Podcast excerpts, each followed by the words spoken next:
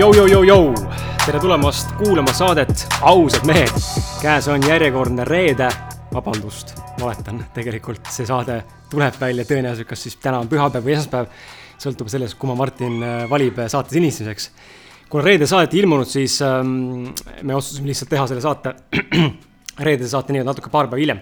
aga kui sa juhuslikult oled äh, esimest korda meie Ausad mehed podcast'is ja mõtled, mida kuradi me üldse siin teeme, millest on ausad mehed ja kes üldse on ausad mehed siis võib-olla lühidalt sulle selline väike informatsioonikõlks, et meie saade keskendub siis äh, iseenda nii-öelda arendamisele, iseenda paremate külgede ülesleidmisele ja, ja eelkõige iseendaks ausaks jäämine, ausaks jäämine teistega ja elus üldse, kuidas olla edukam, tublim, rikkam, parem, mis iganes veel kellelgi isiklik soov on.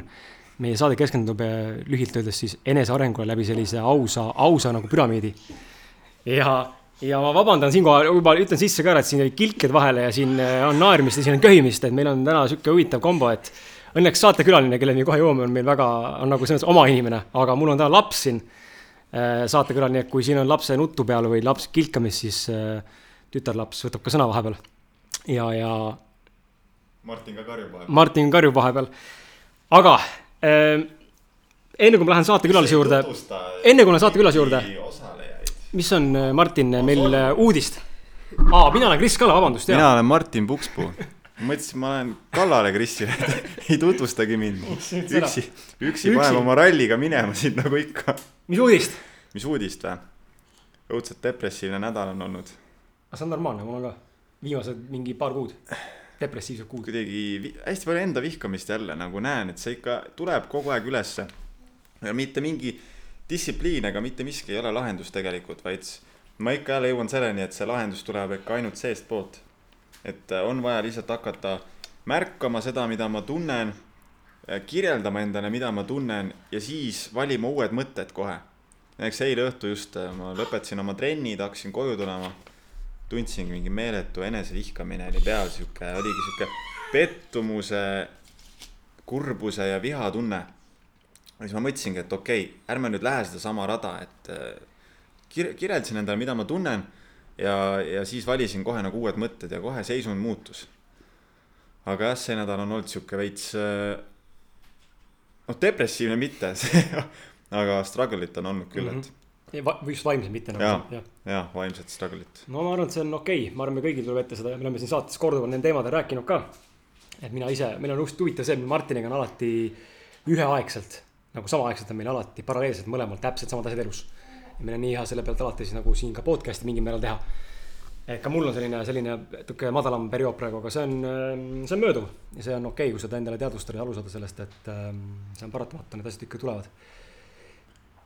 just. mis uudis veel, et äh, meil käis siin aasta alguses oli loos, äh, kui keegi veel mäletab, oli loos Facebookis, äh, kus siis võitjaks osutus siis inimene, võitjaks osutunud inimene tähendab siis sai minu raamatu Martini personaaltrenni ja siis ühissöögi enda ja siis sai kaasa võtta ühe sõbranna või siis sõbra, kelle iganes tahab võtta partneri.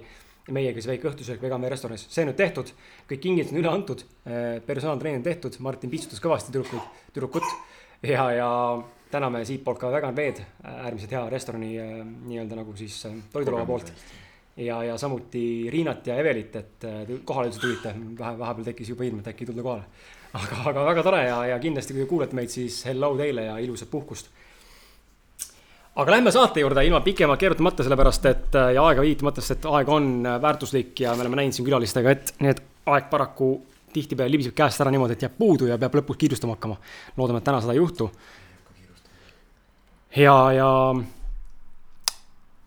täna saade on selles mõttes äh, minu jaoks nagu mõnus, et äh, külaline Keter on tegelikult minu jaoks ka sõbrannas, aga selline pigem nagu ei olegi nagu külaline või Martini jaoks on pigem selline võib-olla uus inimene, eks ole, on ju, aga, aga aga ikkagi mul, mul nagu rohkem sihuke hubasem, et, et äh, nagu lihtsalt tavaline vestlus, et et see teeb mingil määral võib-olla saate ka mugavamaks, kuigi mul ei ole tavaliselt ka mingit sihukest pinget kellegi mingi külalisega. nagu Peebugi, noh, Peep Vain, eks ole, suur, suur koolitaja, mis siin on siis, noh, tšau Peep, noh see on huvitav ja ma ise märkan ka, et nagu kuidagi, mida aeg edasi, seda vähem on seda ärevust nagu külalistega. et Peebuga ei olnud enam mitte mingit ärevust. praegu Ketteriga kohe nagu sihuke oma inimese tunne ei ole nagu mingit võ võõrastamist. et äh, tore, aga tere, Ketter. tere. Keteril on sihuke, Keter, sul on sihuke täna, tahtsid midagi öelda ka vist jagada, miks sul sihuke hääl on täna jah? mul ongi sihuke hääl no?. ei, tegelikult äh, jaa, ma natukene on nii nasaalne mu hääl ikkagi ei ole ja et natukene olen äh, tõbine. aga ma loodan, et see väga kuulamist ei sega ja mõtteid edasi andmast samuti mitte, nii et, et vabandan, kui ma olen natukene raske, porgand. No loodame, et see ei ole mingi probleem. Aga enne kui lähme täielikult saate juurde, ma teen väikese sissejuhatuse ka äh, Ketterile. Ja teile kuulajad siis äh, saada aru sellest, kes meie tänane külaline üldse on ja mis teemadel me üldse rääkima hakkame, sest teemasid on palju ja küsimusi on väga palju. Ketter on siis kaunis, edukas ja rõõmsameelne ning uudishimulik maailmakodanik. ta on tegelenud enda arendamisega juba kümme aastat, tehes seda nii tööalaselt ehk siis kirjutamine ja turundus kui ka vaimselt ja spirituaalselt. Enda blogis jagab Keter mõtteid ja arutluskäike, häid ja mitte nii häid kogemusi ning elu nägemise muutust. teda kirjeldavateks märksõnadeks on elurõõm, kogemine, õppimine ja õnnelikkus. Ketteril meeldib meeletult ka reisida, üks pikemaid eneseavastuse reisi oli küll kaks tuhat üheksa aastal, kus ta veetis kuus kuud Indias koos enda partneriga, kuid väiksemaid reise on olnud ka nüüd, alles hiljuti ees, millest sa kindlasti loodetavasti räägid. Ja Ketteri suurimateks kirgedeks on kirjutamine, ideede genereerimine, unistamine, planeerimine, nimekirjade koostamine, reisimine, isiklik areng. Ohtra suhtlemise asemel eelistab Keter olla vaikselt kodus, kuulata lemmikmuusikat ning nautida lähedast seltskonda, nagu täna näiteks. Keter on lõpetanud ka magi-, magistrikraadi Tallinna Ülikoolis, õppides kommunikatsiooni instituudis ajakirjandust ja meediakommunikatsiooni. ja tal on ka oma ettevõte, Kirjuta OÜ, millega pakub ta siis peamiselt sisuturunduse teenust. mida Keter jumaldab, sellest räägime, räägime juba saates. ehk siis tere, Keter. tere sa oled, äh, oled selliste sissejuhatustega harjunud, äh, sa ju käid ikkagi, ma ei tea, kas enam, aga ütleme viimaste kümne aasta jooksul või tegev, ettevõtte tegevusaasta jooksul või kirjutaja Ketteri tegevusaastate jooksul sa oled ikkagi ju käinud esinemas? ma olen käinud esinemas ja nii pikka sissejuhatust pole vist tõesti mulle tegelikult varem tehtud. huviga kuulasin, et kes ma siis olen või mis siis kõik minu selle nime ette või taha panna saab. et äh, oli vist õige, mis sa rääkisid. väga hea väga hea äh,. Martin, tahtsid midagi öelda? nii, sai viinamarja, vabandust. aga lähme saatega edasi, lähme esimese küsimuse juurde ja klassikaline küsimus alati meie kuulajate äh, jaoks juba ja, ja külaliste jaoks ka. on esimene küsimus see, et sinu lugu, meid huvitab Keter äh, linnulennult niimoodi mööda minnes sinu suurimad milstone'id, kus sa oled võib-olla see, see vaimne aspekt on see, mis kõige rohkem meid huvitab, sest inimesi huvitab eneseareng mm.. aga, aga loomulikult meid huvitab ka see, palju sa oled teeninud ju ja, ja palju sa oled kuidas on, kuidas on kirjutaja käive aastatega. palju käive just on ju, et kõik see võib ette kanda majandusaruande. aga põhimõtteliselt jah, sinu see lugu, lugu, kuidas sa oled jõudnud sellest hetkest, kui sa hakkasid tegelema iseendaga ja, ja kus sa oled siis täna eh, olles tänase nagu realisatsiooni juures, et loomulikult see võib olla homme midagi muud, aga täna on see mm., kus sa oled täna kui ma hakkasin selle peale mm, mõtlema, et kust ma siis tulen või kes ma siis olen, et ma olen täna siia jõudnud, siis äh, siis ma saan ka aru, et tegelikult see on täiesti kahel tasandil saab seda nagu küsimust minu, minu meelest äh, vaadata. et kui ma vaatan sellisel nagu tavalisel tasemel äh,, et mis ma nagu teinud olen ja kus ma käinud olen, et siis ma võingi öelda, et ma olen Türilt äh, pärit. Kaksteist klassi käisin Türi gümnaasiumis, siis tulin Tallinnasse õppisin Tallinna Ülikoolis sotsioloogiat, siis olin vahepeal pool aastat Indias, siis ähm,, siis nagu töötasin igatepidi igal pool, igal, igas ametikohas, otsisin hullult seda, mis mulle meeldiks, siis sain lõpuks aru, et okei okay,, et ma olen kogu aeg teinud seda, mida mulle tegelikult meeldib teha. ehk siis avastasin, et, et hobina tehtud asi, vabakutseline ajakirjandus võiks olla mu, no üldse kirjutamine, siis võiks olla mu päris töö, on ju. ja siis ühel hetkel läksin äh, magistrisse ja ja siis, siis lõpetasin selle kenasti nominaalajaga ära ja siis nii-öelda olen töötanud ja siis vahepeal sain lapse ja, ja nüüd olen siin, on ju. et see on nagu selline sihuke noh, noh, sihuke justkui nagu käegakatsutav mm, -hmm. et minu teekond on ju. aga kui ma hakkan nagu mõtlema selle peale, et mis need päriselt need hetked on mu elus, mis on mind mõjutanud või et, et kuidas ma nagu olen jõudnud siia, kus ma täna olen, on ju. et siis need on tegelikult hoopis midagi muud et, et, et siin näiteks, kui mul, ma mäletan, ma mäletan väga selgelt seda, ma olin umbes kaheksandas, üheksandas klassis. minu, minu klassijuhataja oli kirjandusõpetaja ja ma mäletan väga selgelt, kuidas ta rääkis klassi ees ajakirjaniku tööst. ja siis tekkis hästi tugev selline äratundmine, et, et see on midagi mulle ja siis tegelikult ma olingi üheksandas klassis, kui ma hakkasin ajakirjanikuna tööle, onju. Et noh, tööle, ma hakkasin tegema kaastööd siis äh, nii kohaliku seal Türi Rahvalehega mm -hmm. kui ka Järve Teatajaga ja siis seal koolileht, hakkasin koolilehte peatoimetama ja kõike seda. et sealt sai see ajakirjandus nagu justkui alguse et see justkui nagu, kuidas tema rääkis sellest ajakirjandusest, see on justkui üks minu selline hetk olnud, kus, mis on mind väga tugevalt mõjutanud. kui noor sa olid siis? no ma ütlen, ma olin umbes üheksandas klass, mingi viisteist. Huvitav, sest ma mäletan, kui ma ise tegin koolilehte kunagi enda gümnaasiumi ajal, siis ma mäletan, mul oli ka inimesi, kes, kaasa arvatud mina, tegelesime koolilehega. ja nüüd ma näen, et üks nendest inimestest, kes oli see nii-öelda lehe peatoimetaja noorena juba onju gümnaasiumi ajal ja põhikooli lõpus, tema on tegelikult nüüd täna TV3 uudiste üks ankur mm.. et nagu ikkagi mingi vaata äratundmine tegelikult on väiksem yeah. tekkinud inimestel yeah. ja see elu kannab edasi selles mõttes. jah, või siis näiteks üks, äh, üks selline ähm, milstone või sihuke värstapost eesti keeles öelduna on minu jaoks kindlasti ka see, kui ähm, kui ma läksin äh, direktori kabinetti kaheteistkümnendas klassis. Ja ma ei tea, kui ma praegu mõtlen selle peale, ma ei tea, kustkohast ma võtsin selle julguse, et ma läksin kaheteistkümnendas klassis, kaheteistkümnenda klassi alguses, minu meelest, kui ma õigesti mäletan äh,, läksin oma äh, direktori kabinetti ja ütlesin talle, et ma sooviks hakata meie kooli pressiesindajaks ja ma tahan, et kool maksaks mulle selle eest palka. ja siis eh, ma ei tea, kust ma selle julguse võtsin, aga nii-öelda küsija sa saad, on ju. ja, ja see on üks selline, ähm, üks selline näide, mis minu jaoks tõenäoliselt on andnud selle julguse äh, suurelt mõelda just nagu suurelt selles mõttes nagu et üks ja, ja, ja üks minu praegustest äh, niisugustest põhilistest väärtustest, mida ma kogu aeg endaga kaasas kannan, on see, et äh, ma ei jäta midagi tegemata sellepärast, et ma kardan.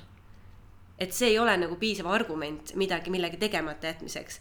et, et see, ma tõenäoliselt hullult kartsin sinna direktori kabinetti minna ja seda ideed talle välja käia, aga see ei olnud nagu argument ma kindlasti, ma kindlasti tol hetkel ei teadvustanud seda niimoodi või ei osanud sellesse niimoodi suhtuda, aga, aga see näide on mul ja ka tuleb noh, nii-öelda ka siis äh, hiljem elus pidevalt meelde tulnud, et et kui ma midagi tahan, siis see hirm ei ole nagu takistuseks. hirm ei ole takistus ja kui on takistus, siis ma järelikult piisavalt palju ei taha mm. -hmm.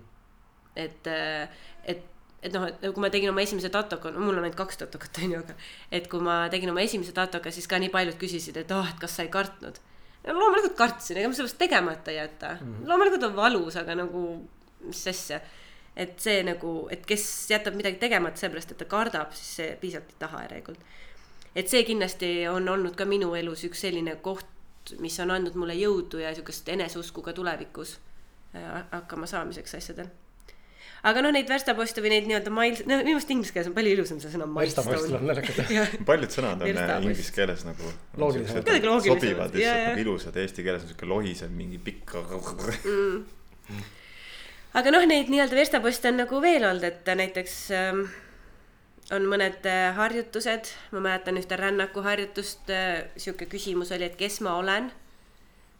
see oli küll alles aastal kaks tuhat viisteist, mis on juba ju juba neli aastat tagasi mm, -hmm. aga, aga see oli kindlasti üks selline hetk, kus ma sain nagu esimest korda, sain kontakti sellega, kes ma päriselt olen et ma olen väga-väga äh, tubli eeskujulik maskide kandja olnud, väga tubli ja siis selles rännakuharjutuses Kes sa oled ähm,, sain ma esimest korda äh, kontakti sellega, kes ma päriselt olen, et kes ma siis olen, kui mul kõik need maskid on maas.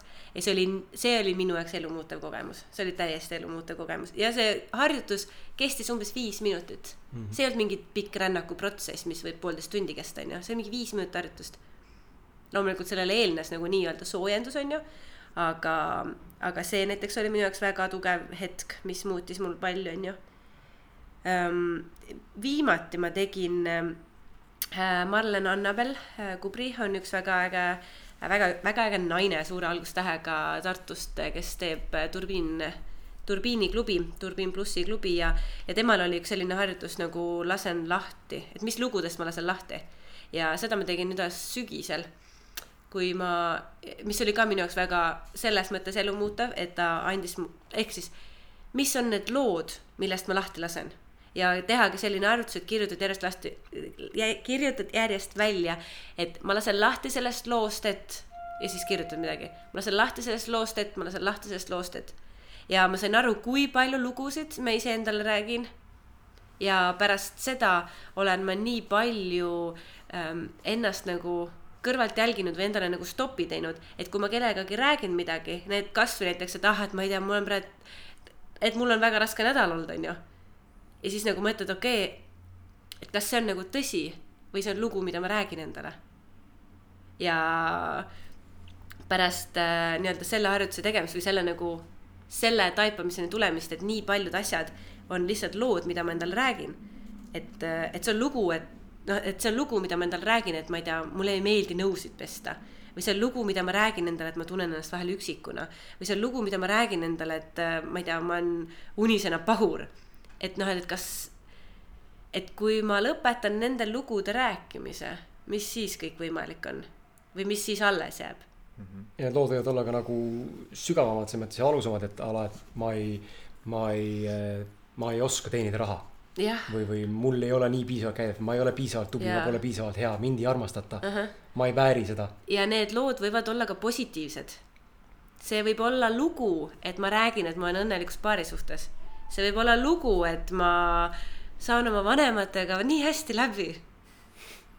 kas see on tõsi või see on lugu, mida ma endale räägin, onju või et kas see on äh, noh, et, et need ei pea olema ainult negatiivsed lood, onju, aga et lihtsalt, et kui ma nagu ütlen endale midagi, siis ma nii-öelda seaksin ka selle kahtluse alla, et kas see on tõsi või kas see on päris.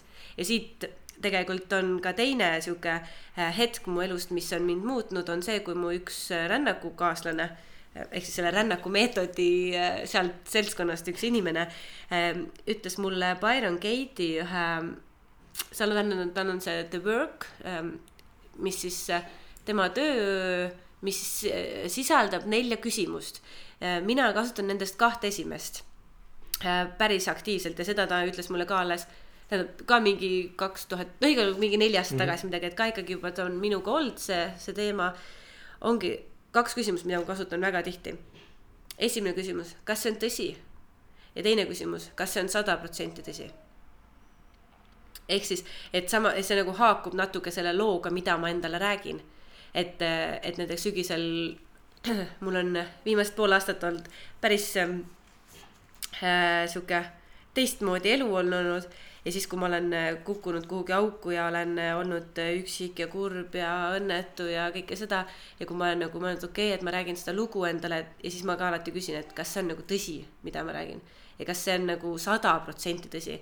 Ja väga harva ma saan vastata sellele, et jah, see on sada protsenti tõsi. Ja kui ma taipan ise, et okei okay,, see väide, mida ma praegu ütlen, ei ole sada protsenti tõsi, siis ma tühistan väga suure osa sellest väitest ära, onju. või et näiteks, kui keegi, ma ei tea, ütleb mingi etteheite minu suunal, et ma ei tea, Kötter, sa oled nii õpetav kogu aeg. mulle meeldib õpetada vahepeal. ja siis, ja siis samamoodi nagu, et, et okei okay,, et aga kas see on nagu tõsi kas see on nagu täistõde Mm -hmm. ja kas see on sada protsenti tõde, et mulle kogu aeg meeldib õpetada. Ja siis noh, saad aru, et okei okay,, et seal tegelikult on nagu sihuke, on nagu jah, õhku vahel tegelikult ju palju.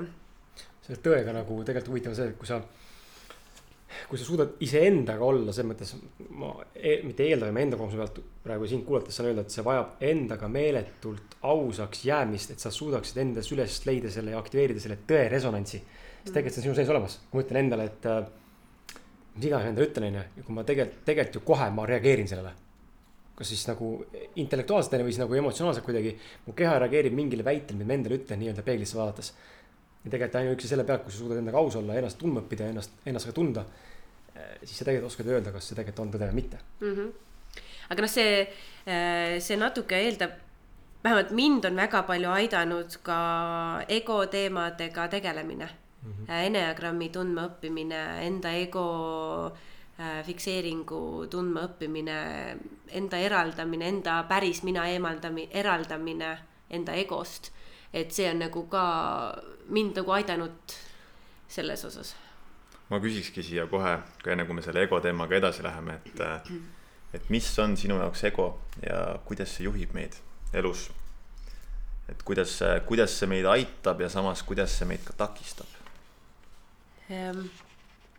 Mina olen nagu seda ego õppinud või sellest egost äh, teada saanud või sellel ego teemal saanud enda sisse vaadata või teooriat ka natuke teada äh, läbi rännaku meetodi, the journey meetod äh,, läbi siis ähm, Brandon, Brandon Basie. jah, Brandon Basie ja, ja Kevin Pillet on siis hästi, noh, koos Keviniga nad teevad, me just tegelikult sel suvel jaanipäeva paiku käisin nende küm-, kümnepäevasel üheksakümnepäevasel ego retriidil, kus siis võeti need, Enneagrammi kohaselt on siis üheksa erinevat ene-, äh, ego tüüpi. inimesed on siis jaotatud üheksasse ähm, inimtüüpi siis. tegemist on aastatuhandeid vanu süsteemiga, mis oli väga-väga-väga pikka aega tavainimesele kättesaamatu Äh, saadamatu, saamatu jah, et äh, igal juhul tavainimene ei saanud seda infot, see oli ainult äh, ülikute ja õpetajate ja haritlaste ja kõikide nende äh,, nendele, sest et see on võimas meetod, läbi mille äh, inimesi palju paremini tundma õppida ja, ja arvati, et see võib olla nagu tavainimesele kä kätte saades võib see olla kuidagi, et nad võivad seda mitte kõige eetilisemalt ära kasutada või näiteks annab nagu ju noh, teadmisi, kuidas võib-olla manipuleerida ka rohkem, on ju aga äh, ehk siis minu teadmised äh, Enneagrammist ja noh, egost põhinevadki Enneagrammil. ja läbi selle ma olen aru saanud, et see ego on, äh, on meie kaitsemehhanism, mis kaitseb meid äh, teatud strateegilise käitumisega mingite emotsioonide või situatsioonide eest. ehk siis näiteks, kui minu ego tüübil on tähendab, tegelikult juba ma sõnastasin valesti, mitte et minu egotüübil, vaid see, äh, sellel egotüübil, mida, mis on nagu minu ego sihuke strateegia, mida ta kõige rohkem kasutab.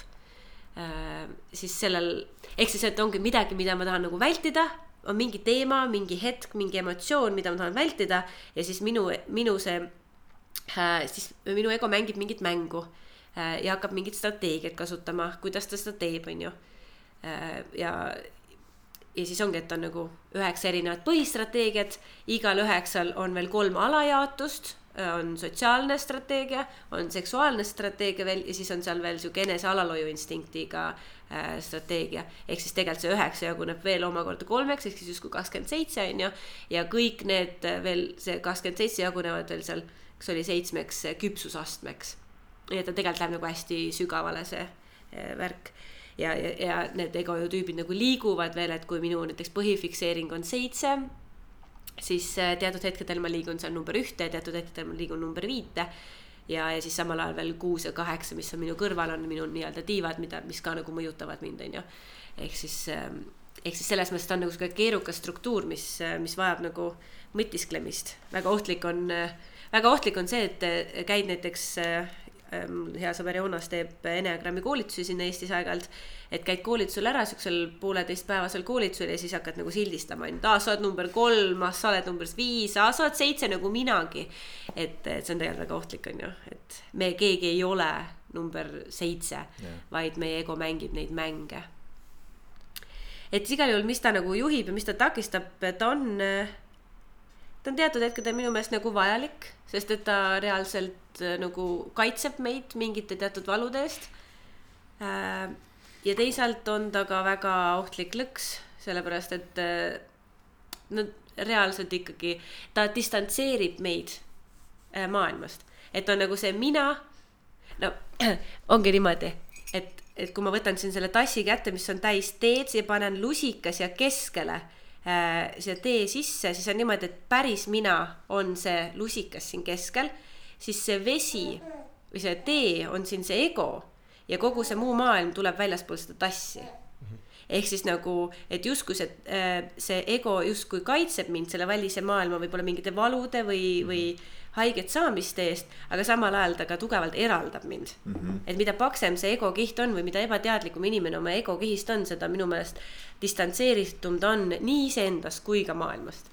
kas võiks nagu võtta kokku, et äh, on nagu see, ütleme siis see puhas mina see puhas selline tõeline sina nii-öelda. nagu ütleme siis äh, teadlikkus, lihtsalt ongi see teadlikkus, ma näen, kogen, tajun kõike enda ümber nii, nagu see on. Ja siis on meil see ego kiht ümber, mis siis ongi kõik need äh, uskumused äh, ja nii-öelda süsteemid, mis siis jah, justkui, jaa. no üks, justkui peaks meid kaitsma, aga tegelikult nad on roh-, rohkemas osas ta nagu ikkagist nii-öelda paneb meile mingi filtri vahele niimoodi, et me ei, me ei, me ei taju, ei koge seda elu ja iseennast ja teisi inimesi, situatsioone nii, nagu see tegelikult on, on ju. ja ego on hästi palju ka reaktsioon. et äh, näiteks kui meil on ähm, noh, et kuidas erinevad inimesed reageerivad mingitele asjadele, et kui ühele öelda, et äh, sa oled ähm,, sa oled ühe või teistsugune näiteks on ju, mingi süüdistav lause, et siis, et ongi, kuidas näiteks, ma ei tea, number üks sellele reageerib mm, -hmm. kuidas reageerib number üheksa, kuidas reageerib äh, number kolm on ju, või noh, et, et need, need reageeringud on ka erinevad ja noh, seal on ka huvitav minu meelest see, et, et igal nagu, igal tüübil ehk siis igal inimesel on mingid asjad, mis teda nagu käivitavad ja mis, mingid valukohad, mida ta üritab iga hinna eest vältida. et seal on äh, üks ego tüüp on ju selline, kes äh, näiteks äh, kõige suurem hirm on see tähendab, tavaliselt me vaata, meil on kõige suurem hirm ja siis me nagu näitame maailmale vastupidist, on ju. et jumala eest keegi aru ei saaks, et meil on see hirm sees. ehk siis näiteks üks ego, ego tüüp on selline, kes kardab maailma kõige rohkem seda, tema jaoks võrdub surmaga see, kui inimesed näevad, et ta on haavatav ja nõrk. ja need tavaliselt on sellised machomehed, siuksed nagu puh-puh-puh, tulen, teen, mina ütlen, kuidas maailm käib, mina ütlen, mina teen, on ju. kõik peab olema minu kontrolli all, siuksed, et ma tahan kõike kontrollida ja noh, siuksed nagu noh, väga jõulised inimesed. ehk siis nende välimus on sihuke väga jõuline, aga tegelikult nad kaitsevad sellega, et ma mitte keegi neid ei näeks, et nad on väga haavatavad. või siis nagu on üks egotüüp selline, kes aga mis selle vastand võiks olla, sorry, et ma segan, nagu selle, selle vastand, kes on nagu, tegelikult on väga nõrk ja haavatav, aga mängib machot, mis selle vastand on? tema olemus ongi õr-, õrnem pool. kas, kas võib ka olla selline vastand, et keegi, kes on näiteks sisemiselt väga tugev ja jõuline, aga ta meeletult kardab seda poolt välja näidata ja siis ta on võtnud omal hoopis selle maski ette, et ta on kogu aeg näiteks nagu näitab, et ta on haavatav ja sihuke pehme ja õrn. kas niipidi üks see, on ka? üks tüüp on küll selline, kes äh, ongi sihuke, kogu aeg on tal mingi sihuke nagu draama ja hästi, tema on nii eriline ja tema on nagu noh, siuksed hästi palju siukseid nagu äh, näitlejaid ja muusikuid ja kunstiinimesi on selliseid, kes on äh, sellised äh, erilised ja neil on kogu aeg midagi häda ja siis nad on nii tundlikud ja nii tundelised ja ja siis nad, siis keegi teeb neile südame haiget ja siis neil on kogu aeg mingi südamevalu ja siis nad kirjutavad armastusromaane ja siis neil on mingid purunenud suhted ja mingid keelatud armastused ja siis keegi ei mõista nende hingevalu ja siis nad on nagu, siis nad nagu arvavad, et nad, nad kogu aeg nagu räägivad, et nad on nii erilised ja nii nagu haprad ja nii õrnad ja kõike seda aga noh, noh nende, okei okay,, nende see valukoht, mida nad väldivad sellega või nende kõige suurem hirm on see, et inimesed mõistavad, et nad on täiesti tavalised inimesed. et nad ei ole üldse erilised. ja siis läbi oma siukse nagu pideva draama nad kogu aeg taastoodavad, nendel pole kunagi lihtne elu, kui näiteks on mingi sõbranna, kes on selle fikseeringuga onju, siis neil kogu aeg on mingi draama nagu kellegagi mingi kolm meest korraga, ühega on see teema, teisega on see teema, siis jälle see süda puruneb ja kõik see onju et ähm, mina näiteks, minu äh, põhimäng on olnud see, et äh, äh, hästi, ma olen sihuke elunautija olnud äh, ka selle fikseeringu kohaselt, Enneagrammi kohaselt äh, hästi palju kogemusi, rõõmu, naudinguid äh,, reisimist äh,, siukest äh, hästi palju koolitustel käimist, enesearengut äh, äh, just seesama sihuke rõõmsameelsus äh,, elurõõm, naljad, naer, kõik see, et, et ühelt poolt vaat ongi, et kus see piir läheb, on ju, et ühelt poolt see olen mina äh, juba oma loomu poolest, mul ema just eile rääkis, et, et kui ma sündisin, siis, siis terve küla seal lahetas ja ohetas, kui ilus laps ja kui rõõmsameelne ja kui naerusuine ja kui nagu, siis ma olin sihuke natuke tumedama nahaga ka veel ja siis, et kui noh et siis seal, kui ilus naeratus ja blablabla bla., et ühelt poolt see justkui nagu on minu natuur ja teiselt poolt noh, nüüd ma muidugi tajun seda vahet, et kust ta läheb nagu egoks. kust ta läheb selleks maskiks, vaata, et ta ei ole enam päris. et ähm, ja ka noh, minu kõige suurem hirm ongi olnud noh, ütleme, ütleme kogu selle fikseeringu nende inimeste hirm on nagu tühjus, vaikus, paigalseis. et teevad nagu kõike selleks, kõike selleks, et ei tekiks nagu vaikushetke või paigalseisu. ehk siis selle fikseeringu inimestel ei ole tavaliselt vabu nädalavahetusi, ei ole vabu õhtuid, ei ole planeerimata suvepuhkust, on ju. sest see on liiga hirmutav. see, see vaikus, see tühjus. ja siis ongi niimoodi, et need inimesed, eriti sotsiaalsed tüübid, mina õnneks see sotsiaalne tüüp ei ole. et äh, eriti need sotsiaalsed seitsmed on sellised nagu üks, noh, nad käivad nagu kolmel üritusel õhtu jooksul ja nad on väga palju suhtlevad ja kõik üritused, mis linna peal on, nad on alati seal ja piltide peal nad on, nad tunnevad kõiki ja, ja nad on siuksed nagu väga lõbusad ja väga ägedad inimesed, onju aga tegelikult nad kogu aeg jooksevad ära iseenda eest, selle vaikuse eest, mis enda sees on. et selles osas ma olen nagu päris korralikult läbi hammustanud ennast. ja muidugi ütleme, viimased pool aastat on seda väga tugevalt ka äh, sundinud mm. -hmm. huvitav on seda nagu kuulata, seda saab äh, see ego teema jah, et äh, mina, kui noh, eesti keeles on see raamat ilmunud Borja Villaseca poolt kirjutatud, siis Rõõm enda, endaga tuttavaks saada. mis rääkis sellest enneagrammist ja kui lugesin seda raamatut, siis nagu tundsin kohe enda egotüübi ära ja nii huvitav näha, põhimõtteliselt loen, loen iseendast mm -hmm.. noh, võib-olla üheksakümmend viis protsenti ulatuses, midagi võib-olla on sihuke, et nagu pole päris nõus. aga väga, väga suures nagu laastus tegelikult äh, on see, on see tegelikult nagu tõde. Mul on ka kohe, kohe tahtmine nagu lugeda seda raamatut ja teada saada, et mis, mis see minu tüüp on, et võib-olla see aitaks mul ka paremini nagu mõista, et. siin on kaks ohtu tähendab, üks oht on siin, aga äh, ma tahtsin veel vahemärkusena öelda seda, et, et kui Kris ütles, et tema nagu luges ja sai kohe aru. Äh, minul on sama teema, et ma lugesin, ma sain kohe aru. aga ma tean, et meil seal rännaku seltskonnas on inimesi, kes käivad aastaid äh, erinevatel koolitustel ja teevad aastaid rännaku äh, neid ego protsesse ja nad ei saa aru, kes nad on mm. -hmm. sellepärast, et äh, vahepeal ego mängib topeltmänge on teatud äh, egotüübid, kes mängivad topeltmänge. ehk siis nagu näiteks noh, eriti näiteks üheksad, kes, äh, kes mängivad nagu topeltmänge, ehk siis ma arvan, et ma olen number see ja see. ja hakkan ennast sinna identifitseerima ja, ja siis tegelikult on välja, et ka see on egomäng. Et ma identifitseerin ennast kuhugi. ja noh, teine, tähendab see oht, mis ma tahtsin öelda, on sellega, et äh, me keegi ei ole ego, on ju mm. -hmm. ja me ei ole niimoodi, et ma äh, Äh, et mina olen see, et ongi see, et minu ego praegu mängib neid mänge või on võtnud omaks need strateegiad, nii-öelda ellujäämismehhanismid on ju. et äh, ma noh, nii-öelda meil seal äh, koolitusel ka pidevalt nagu räägiti seda, et, et ärge maanduge kuhugi liiga vara et lubage ennal nagu explore ida äh,, avastada siis äh, nagu kogu seda üheksat tüüpi, on ju, enne kui te kuhugi maandute või kuhugi ära fikseerite ennast ja, ja olge ikkagi avatud sellele, et see, et kas see on täistõde, et te olete mm -hmm. seal või see on mingi lugu, mis praegu mm -hmm. sobib minu strateegiaga. ja, ja ongi see, et, et kui ma tean oma ego fikseeringut, siis see ei tähenda, et see lahendab mu probleeme, vaid see annab mulle lihtsalt palju rohkem selgust mm -hmm. sellest, miks on võib-olla mingid teemad, millega ma nagu ähm, hakkama ei saa või, või mis, mis nagu järjepidevalt mu ellu muudkui uuesti mustrina tagasi tulevad mm. -hmm. või et miks ma käitun teatud hetkedel nii, nagu ma käitun. et äh, et kindlasti loe seda raamatut, aga loe seda nagu avatud mm -hmm. meelega, onju. jah, jah, ma, mul on sihuke hästi analüütiline mõtlemine ka ja ma võin nagu täiesti üle, üle analüüsida, eks ju, et ma arvan, seal oleks kindlasti see oht, et siis ma pigem nagu panen juurde oma egole, onju. leian jälle mingi uue asja, mis ma olen ja miks ma selline olen ja hakkan mingit uut lugu omale ehitama mm. -hmm. selle asemel, et lõhkuda ära need lood kõik, onju. mulle, ma tsiteerin ähm, väga Eh, andekat ja, ja väga head psühholoogi, keda ma väga austan, eh, Küllike Lillestikku. et eh, kes ütles, et vahel on porgand lihtsalt porgand mm -hmm.. ehk siis äh, jah, vahel on elu liiga lihtne, et ei pea üle mõtlema. üle mõtlema.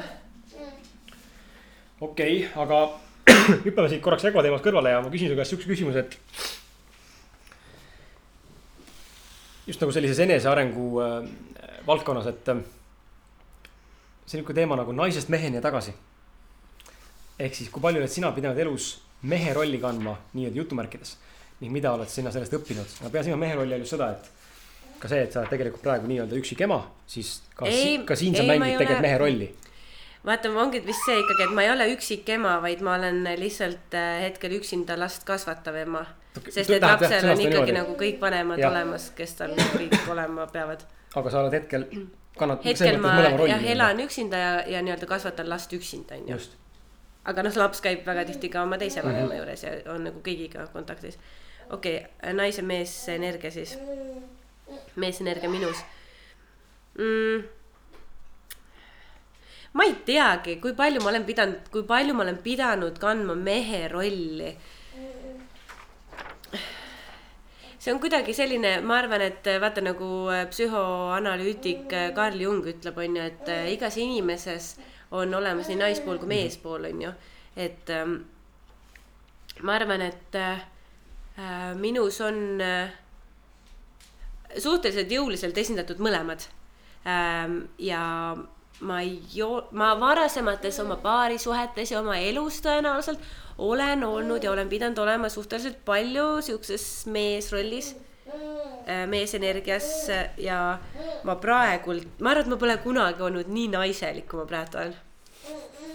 olenemata sellest, et äh, ma justkui kasvatan last üksinda ja pean, et need välised vot see ongi see, et need välised komponendid on jah sellised, et, et ma justkui nagu elan üksinda kasvatan enamus ajast last üksinda, onju.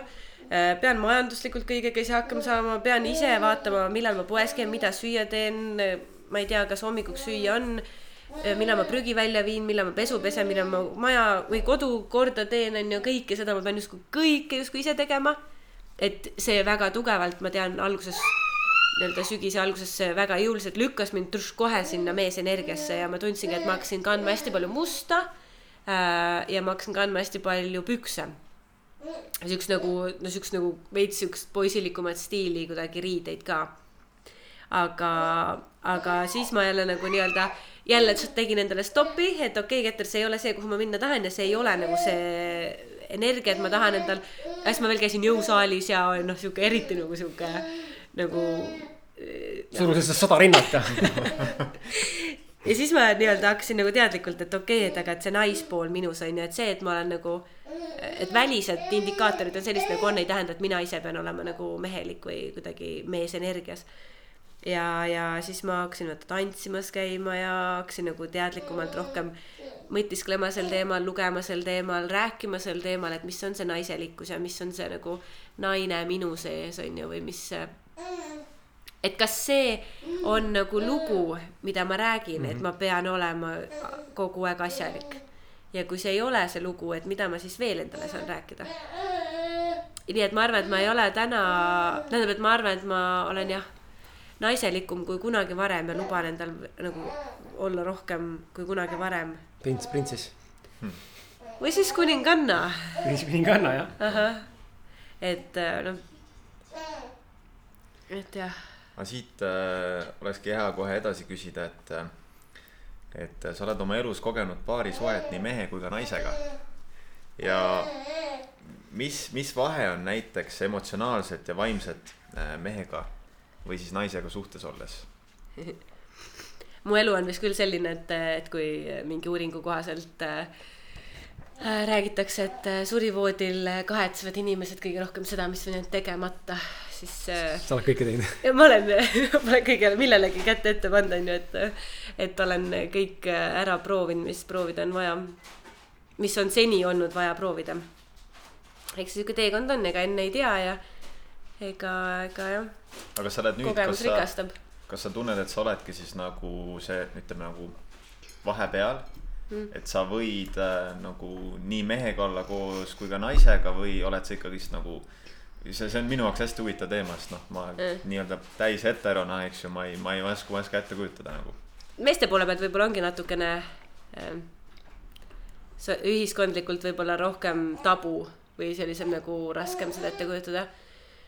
Erinevad uuringud ju näitavad, et äh, umbes kaheksakümmend protsenti naistest tegelikult on biseksuaalid. ja väga suur hulk naistest tegelikult elaks äh, koos äh, teise naisega. et, et nii-öelda nad vajaksid siis lap-, mehi laste saamiseks mm, -hmm. aga koos, igapäevane kooselu ja paarisuhe tegelikult väga paljudel naistel võiks olla teise naisega. Aga kuna nii-öelda meie päritolu, meie ühiskond, meie ühiskonna normid, vanemate normid, kõik kuidagi automaatselt nii tugevalt suruvad sinna mehe poole peale, siis, siis paljud naised lähevadki automaatselt seda teed ja mm, ja nii-öelda naine ei satugi neile kunagi tee peale. selles suhtes siis, et ähm, ehk siis ma ja mina tunnen kindlasti, et ma, see oli tegelikult huvitav hetk minu jaoks, see oli ka jälle seal rännaku äh, ühel koolitusel. Ja ma tegin äh, väga tu-, vaata öeldakse, et äh, ole ettevaatlik, mida sa soovid, sest su soovid võivad täide minna. ja teine asi, mis öeldakse, on see, et, et kui ma saan midagi oled otsustanud, siis elu paneb alati proovile. et kas see, mida sa otsustasid, on nagu, kas sa mõtled tõsiselt seda, mida sa oled otsustanud. ja Äh, ma mäletan seda, kuidas ma rännaku seal ühel protsessi ajal nagu ütlesin nagu, et, et ma olen avatud armastusele. Et ja ma ei sea armastusele mitte mingeid piiranguid ja mitte mingisuguseid kriteeriume ega mitte midagi, et ma olen avatud armastusele. ja, ja siis ma kohtasingi nii-öelda seda naisterahvast, kes, kellest sai siis mõneks aasta, mõned, mõnedeks aastateks minu eh, partner, elukaaslane. et ähm, ehk siis ongi nagu see, et elu pani kohe proovile, et ka, et kui ma ütlen nagu välja siukse lause, et ma olen avatud armastusele. et kas ikka oled siis? et kas ma siis päriselt olen? Et või siis ma olen nagu, et kas ma olen valmis armastusele olenemata, millisel kujul, viisil, vormis, mis soost, mis vanusest ja ma ei tea, mis rahvusest, mis, mis iganes ta tuleb, onju. või siis on see, et ma olen avatud armastusele, vot sellise sellega, sellega, sellega, see peab olema, see peab olema, see peab olema. mis tähendab seda, et ma tegelikult ei ole ju siis avatud armastusele, onju. ehk siis, et jah, aga ütleme, paarisuhe ah tead, ma, mina niimoodi, ma ei julgeks nagu äh, sildistada, et vot mehega on nii, naisega on naa. sellepärast, et mehed on erinevad, naised on erinevad meil, minul oli naisega kogu paari suhtes olemise kogemus see, et meil oli väga-väga sügav vaimne lähedus. ja ma arvan, et ma pole kunagi olnud kellegagi nii vaimselt nii, nii lähedane või nii avatud ja nii nagu sügavaid jagamisi ja meile mõlemale väga meeldib rääkida. nii et, et me nagu väga palju rääkisime, väga palju analüüsisime ja väga palju nagu oli nagu enesearengu teekond see. aga samal ajal oli ikkagi ka see, et kaks naist köögis mm,, mitte väga hea kombinatsioon või siis äh, kaks naist koristamas äh,, samamoodi mitte väga hea kombinatsioon. või, või noh, mingid siuksed nagu teatud hetked on ju, mis on mehega palju nagu teistsugusemad. või kaks emotsionaalset naist täiskuu ajal. Et selles mõttes nagu mehed, vähemalt minu kogemuse järgi mehed on olnud, äh, on keskmine meesterahvas on äh, nagu emotsionaalselt stabiilsem võib-olla kui keskmine naisterahvas rohkem võib-olla siukse nagu äh, juured maas ja sihuke nagu ei ole nagu nii emotsionaalne. ehk siis, et, et naisena minul justkui nagu võiks olla rohkem ruumi tema kõrval. ah, sellest ma võib-olla tundsin puudust küll, et mul oleks nagu ruumi olla emotsionaalne. Et, et teine nagu kohe nagu ei võtaks tuld sellest, vaid nagu, mhm. et äh, tule siia, ma kallistan sind, ütlen, et kõik saab korda, et sa võid nutta küll või et pole hullu, et sa draamat teed, et äh, kõik on hästi. Kuidas näiteks äh, seksuaal, seksuaalse poole pealt, et äh, noh, nii palju, kui ma olen nagu aru saanud, siis üldiselt on ju see, see seksuaalne nii-öelda ma ei tea, vahekord või toimib, eks ju, siis, kui on justkui nagu vallutaja ja vallutatav. et üks on nagu see domineerivam ja teine on see alluvam, eks ju mm. -hmm. et ma mõtlen, et kuidas nagu, kui nagu ne neid võrrelda mm.. et me naisega ja mehega, et. nojah, aga samas, kui sa oled naise ja mehega, siis on ju ka teistpidi, et iga kord ei ole ju mees see vallutaja. selles mõttes, et siis on ju ka niimoodi, et, et vahepeal on hoopis see, et ma ei tea, mehel on käed kinni seotud ja naine räigelt vallutab teda, onju et selles mõttes nagu on seal ka see energia nagu vaheldub, onju. et ühel hetkel on nagu üks domineerivam ja teisel hetkel on nagu teine domineerivam, et et ma arvan, et see on nagu igas suhtes, ükskõik mis nagu soost keegi on, on see, et see mees ja naise energia nagu vaheldub ja, ja on nagu liikuv mm. -hmm, mm -hmm. aga jah, eks mul endal hakkas ühel hetkel hakkaski see võib-olla kõige rohkem nagu äh, segadust enda sees tekitama, just seesama mees ja naise energia ähm, ka koduses õhustikus, et, et kui lambipirn läheb läbi, onju, et kes selle siis vahetab et mina olen ise hästi traditsioonilisest perest pärit, mul on nagu isa ja ema, kes on kolmkümmend aastat abielus olnud. mu isa on veel venelane, vene, venelane jah, vene, vene taustaga, ta on küll väga noh, terve elu Eestis olnud, aga ta on, ma võin ikkagi öelda, et ta on venelane. ta on oma temperamendilt ja molekult väga naisi kätel kandev, ehk siis kui kodus oli vaja midagi teha, siis isa tegi, onju. ma ei ole kunagi noh, selles mõttes ma olen suhteliselt olnud kätel kantud mm. -hmm. ja, ja ma tean, et see tegelikult meil ähm, siis nii-öelda naispartneriga koos elades oli vahepeal ka probleemiks.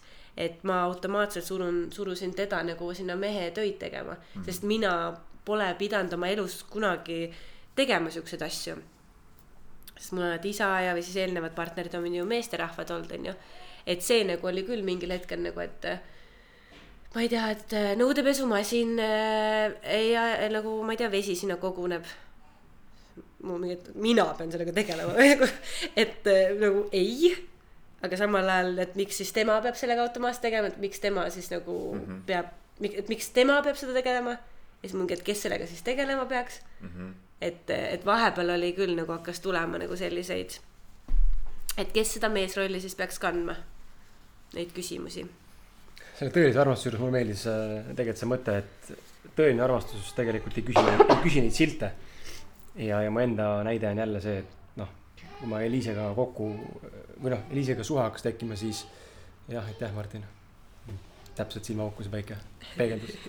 et äh, Eliisega suhtes hakkas olema, siis ega ma ei oodanud, ma ei loonud endale mingit stsenaariumit, milline see naine olema peab mm. ma olin avatud selles mõttes, mul olid küll mingid kriteeriumid, milline ta olla võiks, aga ma ei olnud selles mõttes äh, kinni nagu mingisuguses sildis.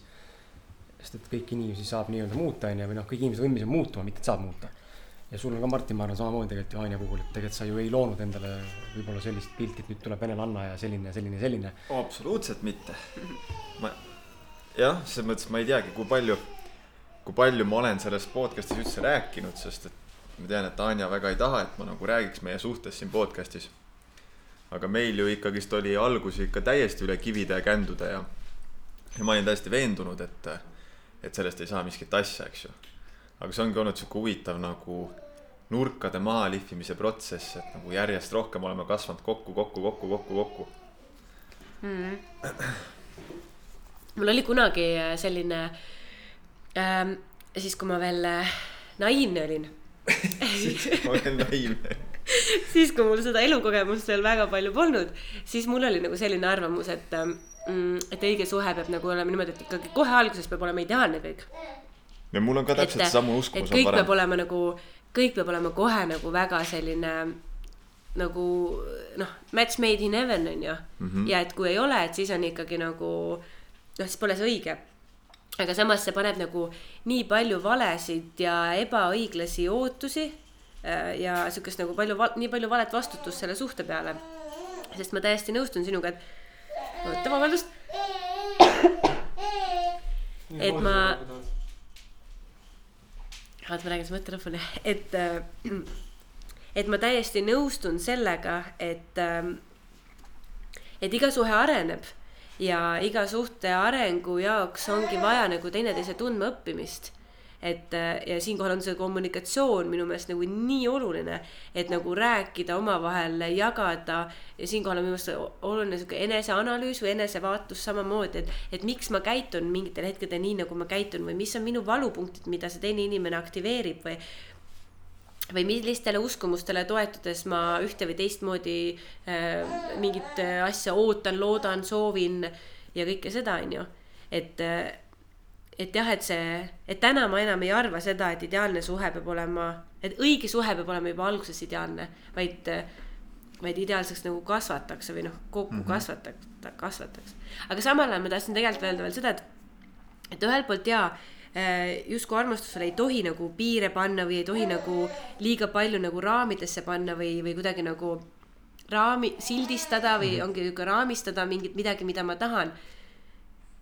aga samal ajal ma tunnen praegu oma elus, et äh, ma tegin sügisel endale tatoka, mis ütleb seda, et. kaks joont. ei Sorry, sorry, ma just ootasin, ootasin, et tuleb nagu mingi korralik tätoveering. see on nagu, kuule, see on väga ilus naiselik tätoveering. ei mulle Ja- ja..., mulle ka meeldib see, päriselt.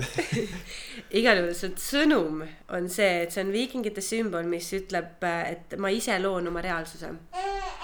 ehk siis ühelt poolt ma arvan jah, nõustun sellega, et ei tasu panna liigi-, liigseid silte ja liigseid nagu raame ümber oma soovidele. aga teisalt on see, et kui ma ei tea, mida ma tahan, siis ma ei saa seda saada mm. -hmm. Et kui ma ei tea nagu, kui ma ei tea neid väärtusi, mida ma tahan oma suhtesse, kui ma ei tea, keda ma tahan, miks ma tahan, mismoodi ma tahan, kuidas ma ennast tunda tahan selles suhtes, siis ma ei saa seda ka saada. ehk siis nagu, ehk siis ikkagi see, see tellimise jõud mm -hmm. on see, mida mina olen praegu viimaste kuudega oma elus väga tugevalt äh, kogenud, et see töötab. kui ma tean, mida ma tahan, siis ma ja kui ma tahan seda ja siin on teine asi, mis on minu jaoks olnud suur õppimine. kuidas tahta südamega, mitte mõistusega, kuidas tahta hinge tasandil ja südame tasandil, mitte meele või ego tasandil, sest et meele ja ego tasandil tahtmine on ainult üks järjekordne ego strateegia on ju ja mäng. aga kui ma tahan südamest ja hingega, et siis, et mis, et mida ma päriselt südames tahan. Ja siis nad, siis sinna tuleb energia taha ja siis need ka varem või hiljem täituvad. aga huvitav, kust nagu, kust nagu jookseb see piir, et eh, noh, ma olen nüüdseks aru saanud, et ma olen, iga naine kaevab minust üles minu mingid kõige sügavamad haavad, eks ju. et kas ma noh, mis ongi just seotud enesekindlusega, et kas ma olen piisavalt hea, kas ma olen piisav, piisav, piisav, igas mõttes piisav, on ju. Ja mõtlengi, et nagu kas äh, noh, näiteks kas üldse on võimalik, et äh, omale tellida nii-öelda või ette kujutada mingit ideaalset partnerit, kui ma ise ei ole ju ideaalne. et kuidas ma saan oma ellu leida kedagi, kellega oleks justkui ideaalne kõik, kui tegelikult ju ma ise olen nii katki nagu. ja vastutust kellelegi teisele enda tervenemisest panna ei saa küll. Sa võid ju tellida seda, milliseid väärtusi sa tahaksid kogeda või millises paari suhtes sa sooviksid olla, seda saab ikka tellida, aga, ja noh, ma paneks sinna juurde selle klausli, et sa oled valmis nagu kasvama, arenema või andma endast nagu selle, mida on sinu poolt vaja anda selleks, et sul oleks võimalik nende väärtuste järgi suhet luua.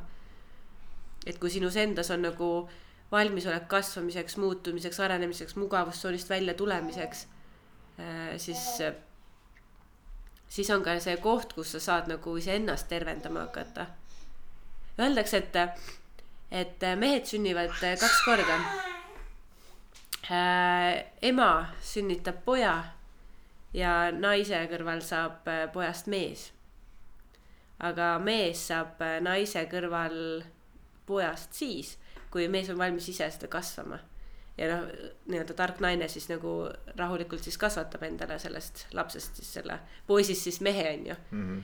aga et, et mehed nagu sünnivad kaks korda. aga see on ainult, ainult kinni selles, kas, kas sa oled äh, valmis või sa ei ole valmis. ja keegi teine ei saa olla nagu noh, jah, see on äh, minu arust on see äh,, oota, mis see õige sõna on? vägivaldne. see on äh, see, isegi ma ütleksin ja, et see on vägivaldne, kui panna nagu teise õlule enda mm -hmm. õnn mm. -hmm. et ega keegi teine ei saa nagu õnnetuks ega õnnelikumaks teha, onju, kui ma ise ei lase. see õnnest nagu rääkides, siis ma tegelikult torkan siia vahele selle äh, küsimuse, mis tegelikult Martin küsis nagu väga hea küsimuse tegelikult, mis ma kirjasin, et räägime, tahaks tegelikult teada saada rääkida õnnest, kuna sa tegelikult äh, oled ka tegelikult äh, varsti avalikustamas midagi seotud õnnega, ütleme niimoodi siis. Jah, viisakalt. Ja, ja, ja filosoofiliselt. filosoofiliselt, et jätta siukse õnga õhveni, midagi on tulemas, aga et räägime õnnest ja räägime sellest, et kuidas püsida rohkem hetkes ja, ja kuidas tunda rohkem rõõmu eh, ka hetkes olemisest või, või iseendaga olemisest, sest et tegelikult õnnelikuna saad sa ainult siis olla, kui sa noh, ma tegelikult ise nägin seda talvel elades, et ma saingi olla õnnelik, tõeliselt õnnelik südames siis, kui ma olin hetkes. kui ma avast-, tajusin selle, et mida kuradi, ma olen praegu leban siin, leban siin autos äh, lahtise tagauksega ja mul on päike ja rand ja vesi ja naine ja ilus maailm ja loodus ja. siis ma nagu tulin hetkesse, kui ma naudin endaga olemist. ehk siis äkki sa selgitad veidi enda arusaama sellest? täpselt sama arusaam. okei okay. võta järgmine küsimus. võta veel küsimus ei, tegelikult ma arvan ja, ma arvangi täpselt sama, et esiteks ähm, kuidas nagu see hetkes püsimine, rõõmu tundmine, kõige selle suurendamine ongi, see on üks suur harjutamine. kogu aeg enda hetkesse tagasi toomine. Äh, sest et äh, Kaia Kaire Hunt just kirjutas äh, siukse raamatu nagu Emotsioonide alkeemia ja väga ilusti seletas lahti, väga ägedalt seletas lahti minu meelest, et muretsemine on alati nagu tulevikku suunatud mm. -hmm. ja oh, nüüd ma ei suuda öelda, mis asi see seal minevikus oli. igal noh, niuke, et. kinni, kinni elamine või nagu. nojah, siuke mine... kinni hoidmine. jah, ja siuke nagu kahetsemine ja kõik mm -hmm. see on ju, et äh, et olevikus ei ole tavaliselt mitte ühtegi nagu äh, siukest. et, et kui ma muretsen millegi pärast, siis on see alati nagu tulevikku suunatud et tulevikus millegi asjade pärast midagi ta-ta-ta onju. ja minevikus on samamoodi midagi, aga olevikus ei ole tegelikult ei muretsemist, ei pabistamist, ei hirmu, mitte midagi onju. olevikus ongi lihtsalt ju olemine, olek. ja, jah, ehk siis nagu ongi see, et, et kuidas siis seda õnne nagu suurendada. mina ütleks, et ongi, seal on komponendid on äh, teadlikkus et ma nagu vaatan ümberringi ja mõtlengi, et okei okay,, mille eest ma täna olen või et mis on selles hetkes näiteks, mille eest tänulik olla mm -hmm. või õnnelik olla. Äh, ma tulen siia kohale, ma olen kohal, äh, ma ei ole oma mõtetes kuskil ära, vaid ma olen siin nüüd ja praegu. ja pidev harjutamine, sest et see vajab harjutamist. üks raamat on äh, maailma õnneraamat, ehk siis seal on kokku koondatud väga palju erinevaid õnneuurimusi ja seal on äh, ühtede uuringute tulemustena on välja selgitatud selline asi, et õnn on harjutatav. püsiva õnnetunde, et kõik inimesed sünnivad teatud õnnenivooga ehk siis õnnetasemega. see on see, et näiteks miks kaksikud, kes sünnivad justkui kõikide samade parameetritega, samadel hetkedel, samad vanemad, sama elukeskkond, kõik on sama justkui, äh, võivad olla väga erineva õnnetasemega ehk siis üks on sihuke rõõmurull, teisel on kogu aeg ninakrimpsus ja kulmkortsus ja mis kõik häda on, onju. ja ongi lihtsalt see, et inimesed sünnivad erineva õnnetasemega. hea uudis õnnelikele, kehv uudis pff, mitte nii õnnelikele. aga hea uudis nendele mitte nii õnnelikele on see, et äh, seesama uuring äh, siis jõudis sellisele järeldusele, et selle keskmise õnne, noh, kuna see õnnetase meil ju kogu aeg kõigub, onju mingitel päevadel, mingitel hetkedel oleme õnnelikumad, mingitel hetkedel mitte nii väga õnnelikud. olenevalt siis, ma ei tea, ilmast, tujust, tervisest, kaasinimestest, kõigest sellest. aga et selle püsiva õnnetunde tõstmise on võimalik. ehk siis need õnnetud võivad kõik natukenegi saada õnnelikumaks ja kuidas seda siis teha? see on järjepidev harjutamine. et õnn on harjutatav asi ja seal on omad tehnikad, seal on omad viisid, seal on omad nagu nüansid, millele tähelepanu pöörata. aga samamoodi, kui tahad ilusat, noh, mitte ilusat, vaid kui tahad nagu näiteks äh, lihastest keha, siis pead käima järjepidevalt jõusaalis. kui tahad äh, head tantsuoskust, siis pead käima iga päev harjutamas, mitte iga päev, vaid pead käima nagu regulaarselt harjutamas mm. -hmm. selleks, et tõsta keskmist õnnetaset oma elus kõrgemale, see ei ole niimoodi, et ma ma ei tea, korra nädalas mõtlen selle peale, et oo oh, jaa, päris okei okay on olla, onju. et see on nagu reaalne töö, reaalne harjutamine, pead tõenäoliselt, ma ei tea, iga päev tegelema sellega, et nagu märgata seda õnne. ja noh, õnn on ju hästi palju seotud tänulikkusega. mu viimane blogipostitus on seotud, või mitte viimane, vaid üks, üks viimastest on seotud selle tänulikkusega, onju, et kus ma tegin seda tänulikkuse harjutust ja, ja läbi selle tänulikkuse harjutuse ma tegin iga päev nelikümmend kaks asja, äh, mille eest ma olen tänulik ja see läbi selle tänulikkuse, see õnnetunne ka väga palju kasvas. nii et, et see hetkes püsimine ja rõõmu tundmine, kõik see on väga harjutatav. kes tahab olla õnnelik, siis see peab reaalselt ka panustama sellesse. sellest õnnest nagu rääkides, sinu see, lugesin su blogipostitust ka ja mind nagu hämmastas tegelikult see, et kohati nagu tundub loogiline, kui, kui olla nagu varem kokku puutunud enesearengu teemadega et sihuke järeldus võib tulla sul, aga, aga pani nagu see järeldus ja tulem, milleni sa jõudsid, pani nagu üllatama see, et. et oligi need esimesed, mis siis, mis iganes number see tuli sul, need esimesed tänulikkused ja õnne nii-öelda. noh, mingisugused. et need tegelikult olid egopõhised, väga mm -hmm. siuksed nagu, mitte primitiivsed, aga väga pealispindsed mm. -hmm ja siis nagu mida, mida rohkem tegid, siis nagu läks asi nagu lõpuks tõsisemaks ja lõpuks oli see, kus tegelikult olid asjade eest, mis, mille eest sa tõeliselt oled nagu tänulik mm. -hmm ma ei oleks seda nagu uskunud, et tegelikult nagu.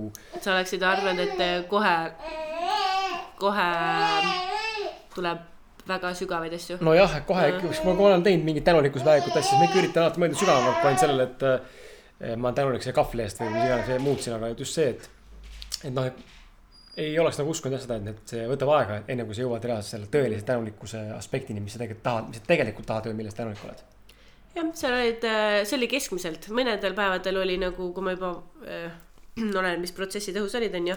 et vahepeal oli nagu kohe tš, läks sinna äh, sügavasse, onju.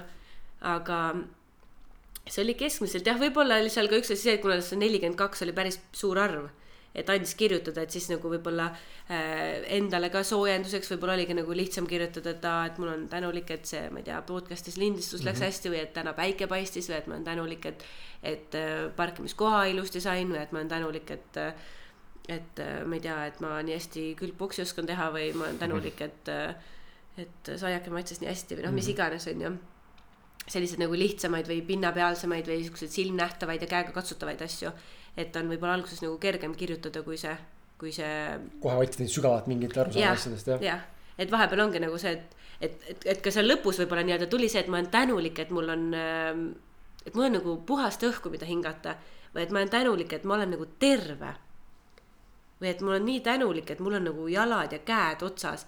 et, et see võis olla ka ühelt poolt nagu vaadates nagu justkui nagu pinnapealne, lihtne ja primitiivne asi, aga tegelikult see energia seal taga oli hoopis midagi muud, onju et selleks hetkeks, kui ma ikkagi olin sinna kolmkümmend pluss juurde jõudnud oma tänulikkuse hetkedega, siis see tunne, see süda oli nagu nii lahti ja see tänulikkus nagu lihtsalt voolas välja mm, -hmm. et ma nagu tõesti nagu nii tänulik, et Eestis ei ole vulkaane mm. -hmm. absoluutselt või et ma olen nagu nii tänulik, et ma vahepeal, et mulle vahepeal äh, meeldib nii väga kiikuda vahepeal ma lihtsalt lapsega käin nõuga, käin kiikumas ja siis ta nagu nii nõuab äh, nii palju ja siis ma lihtsalt okei okay,, ma tulen ka siis kiikuma ja siis lihtsalt kiigume ja kiigume ja. ja siis ühel hetkel lihtsalt mõtled, et nii lahe et nagu jah. no minu meelest see ongi see kõige nagu võimsam äh, loomishetk, kui me hakkame nendest ülilihtsatest asjadest äh, reaalselt sügavat tänutunnet tundma et noh, samamoodi siin vahel on nagu väga raske tunda tänutunnet, aga siis vahel on jällegist ongi täpselt samamoodi nagu sa ütlesid, et issand, mul on terve keha. mul on reaalselt terve keha ja tunnengi nii sügavat tänutunnet selle eest või, või see, et ma olen elus ja hingan. või, või, või see, et mul on koht, kus elada, mul on soe kodu ma saan need süüa. Need ongi need, et äh, tihtipeale minu meelest äh, otsitakse seda õnne kuskilt kaugelt ja kättesaadav, saamat-, kättesaadamatutest asjadest ja, ja kui ma saavutan selle, siis ma olen õnnelik või, või kui mul on see või see mees või naine, siis ma olen õnnelik või kui ma saan lapse, siis ma olen õnnelik või kui vot, kui mul kunagi on sihuke kodu, siis ma oleks õnnelik. et, et me justkui nagu pidevalt ähm, seame selle õnne või õnnelik olemise äh, tulevikku ja justkui andes ära nagu selle võimaluse olles käesolevas hetkes õnnelik aga, ja siis me nii-öelda jahime seda õnne pidevalt seda oodates, selle nimel tööd tehes, pingutades, justkui pidevalt nagu ennast ohverdavalt kogu aeg seda õnne nimel siis nagu pingutades, panustades, on ju. et aga tegelikult on ju, see on valikute küsimus. see on jah, see mingi lugu, mis ma räägin endale, et kas see on nagu tõsi, et ma siis olen õnnelik, kui ma ähm, ma ei tea, ostan enda unistuste kodu, et kas, kas see on tõsi ja kas see on nagu sada protsenti tõsi, et ma siis olen õnnelik? või see on mingi lugu, mida ma endale räägin ja kui ma lõpet-, lõpetan selle loo rääkimise, millega ma võiksin selle siis, mis sealt võiks veel tulla, on ju, või mis oleks see positiivsem lugu, mida rääkida, kui ma pean mingit lugu rääkima? no huvitav, miks nagu ma olen just enda puhul märganud, et kui ma nagu tean ja taipan seda, et see õnn tuleb ikkagist minu seest ja väga lihtsatest asjadest. Et selleks ei ole vaja kuhugi jõuda või midagi saavutada, et seda tunda. siis miks on nagu nii raske jääda püsima, miks see, miks see ei jää nagu püsima, see tunne, et ma lihtsalt ärkangi üles ja ma olengi õnnelik. tänutunne on kogu aeg sees jah, sihuke kerge õnne, tänutunne on kogu aeg sees ja toimetangi, teen rahumeelselt oma asju. ei hoia kramplikult kinni, et no kurat, ikka, no ikka ei saa veel tunda seda, onju. Et huvitav, miks see nagu ära kaob kogu aeg? nagu Kett, nagu Kett, nagu Kett ütleski, võib-olla see ongi, võib-olla see taandubki sellele välja, et see ongi sõna otseses mõttes nagu lihas. sa peadki tekitama endale harjumuse selle, et see on sul harjumuses sees, alateadlikult niimoodi, et sa eladki selle teadmisega, et äh, kurat, ma olen õnnelik, aeg tuleb meelde. nagu lähed trenni, näed, umbes pumpadki rinnalt äh, kakskümmend viis korda järjest onju, siis see on umbes sama teema, et sul kakskümmend viis korda järjest, et äh, lõpuks tuleb sul see enda pähe lihtsalt juba automaatselt. Ma arvan jah, et see vajab harjutamist, see vajab nagu sissejäämist ja vajab nagu äh, igapäevast tööd, tähelepanu, hoolt. iga suhe vajab hoolt, tähelepanu ja, ja panustamist, samamoodi ka su enda suhe su enda õnnega et ikkagi nagu panustamist, hoolt, armastust äh,, tähelepanu. et ähm, lisaks on ka see, et äh,, oot, issand, mul läks meelest ära. Ahaa, ego. ta ei saa jätta mainimata. ego on nagu pärdik meie õlal, kes muudkui kriuksub ja kräusub ja õiendab seal mm.. ja kui ego mida rohkem inimene saab teadlikuks oma egost, seda kõvemini hakkab ta kõigepealt karjuma. sest et äh, kui ego tegutseb eelkõige nagu mõistuse tasandil ja teda ei ole südames, ei ole teda. Ja kui inimene hakkab rohkem nagu südamega elama, südamega kuulama, südamega maailma vaatama, siis tähendab seda, et ta jätab ego tagaplaanile, jätab ego nagu tähelepanuta ja ilmselgelt see ei meeldi egole. mis tähendabki seda, et, et et see nõuabki nagu igapäevaselt noh, ongi sihukest, ma ise pean samamoodi ka tegema niimoodi, et lihtsalt kukun mingisse emotsiooni. Ja siis ma saan iseenda käest küsida, et kui mina ise loon oma reaalsuse, kas see on see, mida ma valin? ja päris tihti nagu äh,, ma ei ütle muidugi, et kogu aeg, aga noh, päris tihti nagu läheb kas kergemaks või läheb täitsa hästi ja nagu heaks. see, kui ma äh, nii-öelda küsin endalt, et okei okay,, kas see, kuidas ma praegult mõtlen kuidas ma praegu tunnen ja kuidas ma praegu käitun, kas see on see, mida ma valin. ja ma panin endale vannituppa peegli peale sellise väikse sildikese, et ma valin armastuse.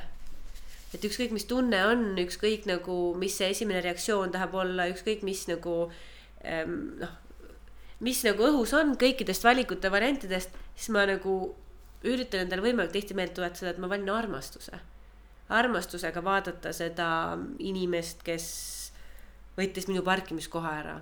armastusega läheneda sellele inimesele, kes mind parasjagu näiteks noh, issand, mind pole ammu keegi sõimanud, aga aga nagu ma ei tea, ma ei tea, kas kolleegidega äkki vahepeal tuleb ette, onju, et keegi kuidagi mingi teeb ülekohut, onju. et selle asemel, et minna nagu kohe reaktsiooni, kohe võitlusesse, siis valida hoopis armastuse ja nagu hoopis sellelt tasandilt nagu liikuda nagu siis teisele vastu, on ju. või nagu nii-öelda embrace nagu siis tervitada või nagu no,. jah, see eesti keeles on see, ei olegi õige sõna. nagu ole. aktsepteerida. aktsepteerida, haarata ja emmata kuidagi jah. jah, et, äh, et samamoodi ma arvan, et selle õnnega ongi see, et, et noh, jube lihtne oleks, käid ühe korra jõusaalis ja siis oledki kohe, on ju. ikkagi iga, noh, pead kogu aeg tegema selle jaoks tööd et õnnega on samamoodi, rahuloluga on samamoodi, armastusega on samamoodi, südame avatuna hoidmisega on samamoodi, tervisega on samamoodi. Paari suhtega, no kõigega on samamoodi, et ei ole niimoodi, et ma ei tea, millega üldse on niimoodi, et teed ära ja tehtud. kaka käimine iga päev pead käima aga see ongi, ma näiteks märkan kohe enda puhul, kuidas trenni tegemine järjepidevalt, see on minu jaoks nagu iseenesestmõistetav. seda ma lihtsalt teen, see on mu elu osa ja nii toimibki, onju, aga mingite teiste asjadega on nagu nii keeruline teha järjepidevalt. Et nii kui tekib see peale mingi esimest nädalat või kaht nädalat see sihuke mingi vastupanu, onju. siis, siis ongi kohe sihuke tunne, et see ei ole õige ikka, miks ma surun neid niimoodi, see ei muutu kunagi lihtsamaks, ma terve elu pean ennast suruma ja pressima ja. survestama tagant, et ma ei taha ju nii terve elu elada, aga kas võib-olla tegelikult tulekski läbi minna sellest esialgsest perioodist, mis on nagu raske ja piin ja siis lõpuks see muutub ka noh, kasvõi mingi lihtne asi nagu ongi, ma olen mitu korda alustanud sellega, et ma iga päev panen kirja, mille eest ma olen tänulik ja siis ikka see nagu vajub ära mingi hetk, onju. sest ma nagu justkui kaotan usu sellesse, mulle tundub, et see ei aita mind see tegelikult. fake. aga jõusaalis sul on te- käimises sul on sa usud, on ju, ja sellepärast Jah. on see ka palju lihtsam. Ehk siis, kui teha asju, asju, mida, millesse sa ei usu, siis ma arvan, et ükskõik mida sa teed, kui sa ei usu sellesse, siis siis on see alati kuidas raske. siis uskuma hakata? no võib-olla mõtestad lahti, vaata selle enda jaoks. Miks sa midagi teed? sul on Kris näiteks trenniga samamoodi ja mul on, ma just täna hommikul rääkisin elukaaslase emale, et millal mul ilmselt toimus see muutus, oli see, et ma olen, nüüd üritanud, ma nüüd tegin mõnda aega väga aktiivselt trenni siin, peaaegu viis kuud vist isegi väga-väga ilusti ja ma sain oma tulemused kätte, seitsekümmend kilo saavutasin ja kõik oli tore onju ja keha muutus ja. ja siis nüüd, kui laps sündis, siis ma näen, ma enam niimoodi teha ei saa onju, no mis on loogiline. aga, aga ma olen jube närvis selle pärast ja nüüd on tekkinud see hetk, kus ma pigem juba otsin põhjuseid mitte trenni minna ja siis ma vihkan ennast terve see ülejäänud trenni aja, see tund aega vihkan ennast, et ma ei läinud ja ma olen täiesti demotiveeritud ja siis ma mõtlesin selle peale, et huvitav, kuidas mul Austraalias nagu elades teistmoodi oli, ma läksin, tegin niimoodi, ma tegin ka vihmaga. ma läksin mm -hmm. vihmaga, tõmbasin õues, läbi mere lõuatõmbeid, mul oli täitsa pohhui. ja siis ma hakkasin mõtlema, et Austraalias tekkis mul demotivatsioon pärast seda, kui ma murdsin endale kolm kämblaluud ja ma mõistsin seda, et ma olin nägin, näinud pool aastat vaeva. Ja nüüd tänu mu- luumurule põhimõtteliselt esimese kuuga ma nägin, kus kõik kadus eks ma pingutan meeletult, meeletu distsipliin, toit, trenn, värgid, kurat, tulu andmine käib terve elu on organiseeritud. ja siis tuleb mingi apsakas elu poolt ette, mida oli vaja tegelikult selleks, et raamat valmis kirjutada. see ei olnud niisama, aga just nagu selles aspektis, et juhtus, juhtus nagu mingi asi halb, mis halb selle trenni mõttes. ja siis ma nägin nagu, et see on täiesti mõttetu pingutada, kui elu viskab sulle vahepeal ette siukse kodara, kus sa pead lihtsalt loobuma sellest. mis see point siis on? Ja mul on tunne, et see jättis musse väga sügava haava, sest ma olin tegelikult väga kurb tol hetkel, mäletan mm.. ja nüüd mul on täielik demotivatsioon trenni minna, ma tegelikult tahan teha ja ma tean, et milliseks ma olen võimeline saama. ja mida ma tegelikult tahan saavutada, kui ma teeksin, minus on olemas see järjepidevus ja distsipliin. aga ma ei suuda leida seda trenniga. ja mul on väga raske teha seda, see on umbes sama, sama, mis sul teiste asjadega. ei suuda lihtsalt, on kõik ja ma ei tea, millal tuleb see piir, kus ma üt- ütlen endale nii, nüüd fucking aitab ja sa lähed teed. ei ole seda, ma ikka otsin asju, nii kui läheb raskeks, ma ei taha teha, kõik Mm. nii haige värk ja nii haige võitlus ja, aeg vihkad ennast. aga mis, mis siis juhtus, kui sa laseksid lahti sellest vihkamisest ja mõtleksid, et okei okay,, praegu on sihuke periood mu elus, kus ma teen lihtsalt vähem trenni või ei tee üldse trenni. ja ma armastan ennast ka siis, kui ma ei tee trenni ja see on okei okay, No. et ma ei tee. see ongi see, et ma olen nagu proovinud seda ja see, need nagu töötavad väga lühiajaliselt. ja siis mingi hetk tuleb uuesti ringi tagasi see pauk nagu enda mm. ego poolt tõenäoliselt mm.. kuule, sa fucking ei pinguta piisavalt.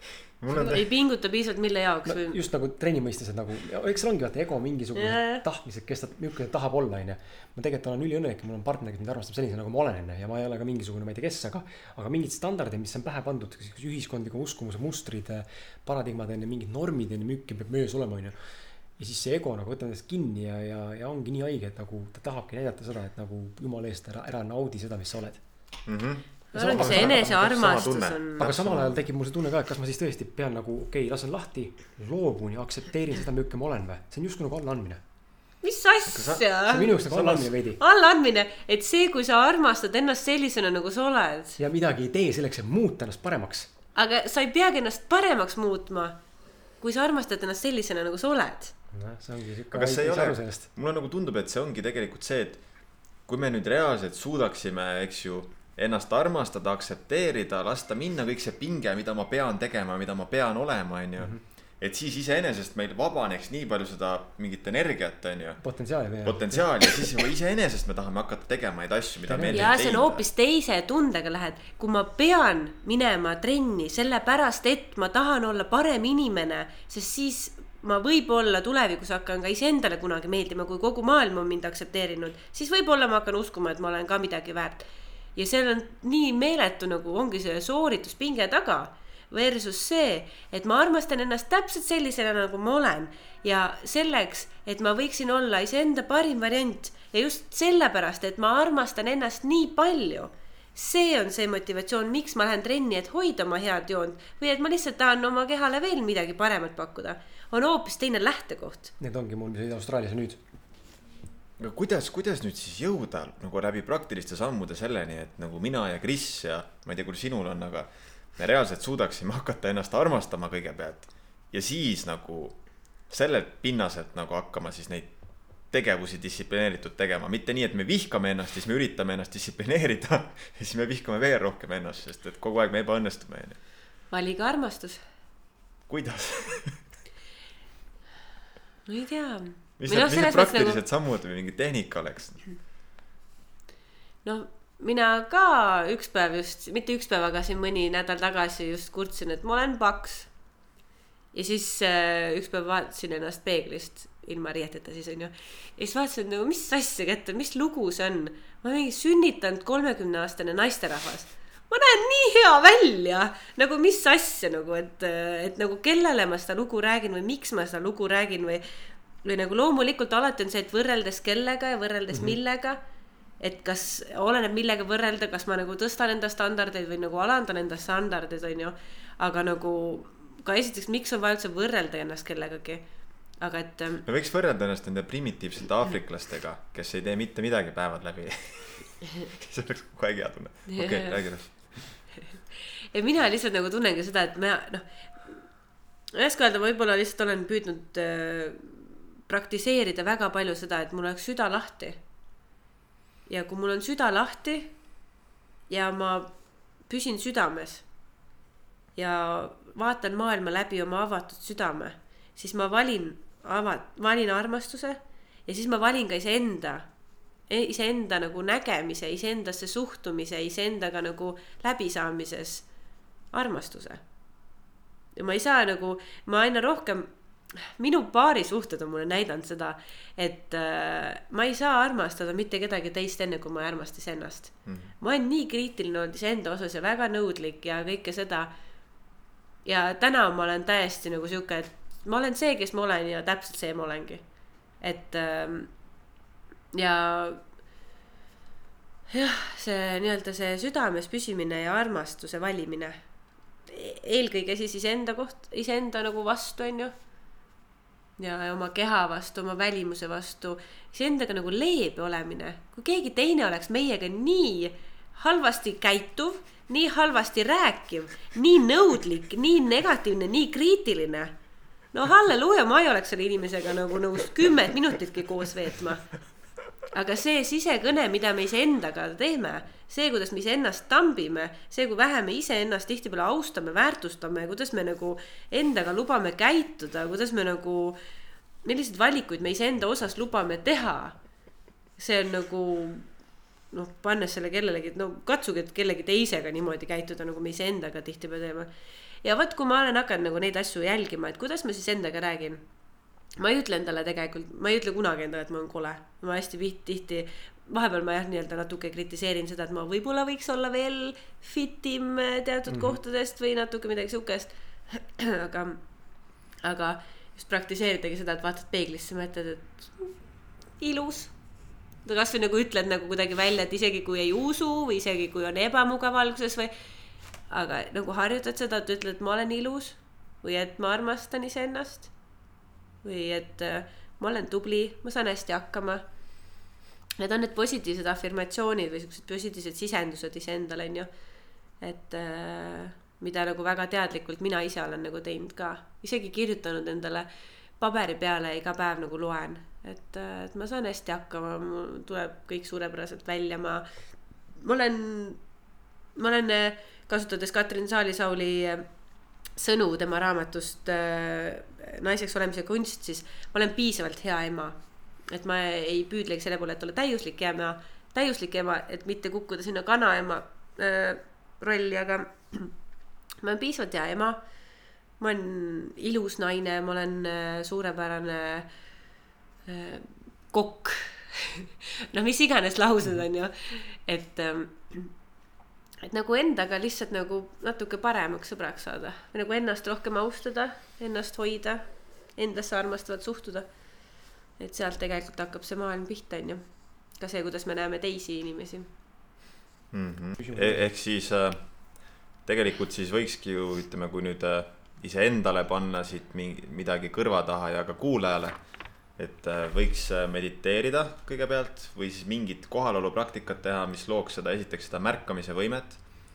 et ma suudaksin märgata, mis mu sees üldse toimub, on ju, siis ma võiksin tead, ma isegi tead, ma arvan, et see mediteerimine on juba nagu Next level shit, next level shit kui sa nii ütled. ma arvan, et kõigepealt peaks lihtsalt nagu natukene nagu hoogu maha võtma. et nagu natuke nagu, nagu rahu, rahu, kõik on hästi. ei pea tõmblema, ei pea tormama, ei pea telekat mängima panema, ei pea raadiot kuulama. et kõik on nagu hästi.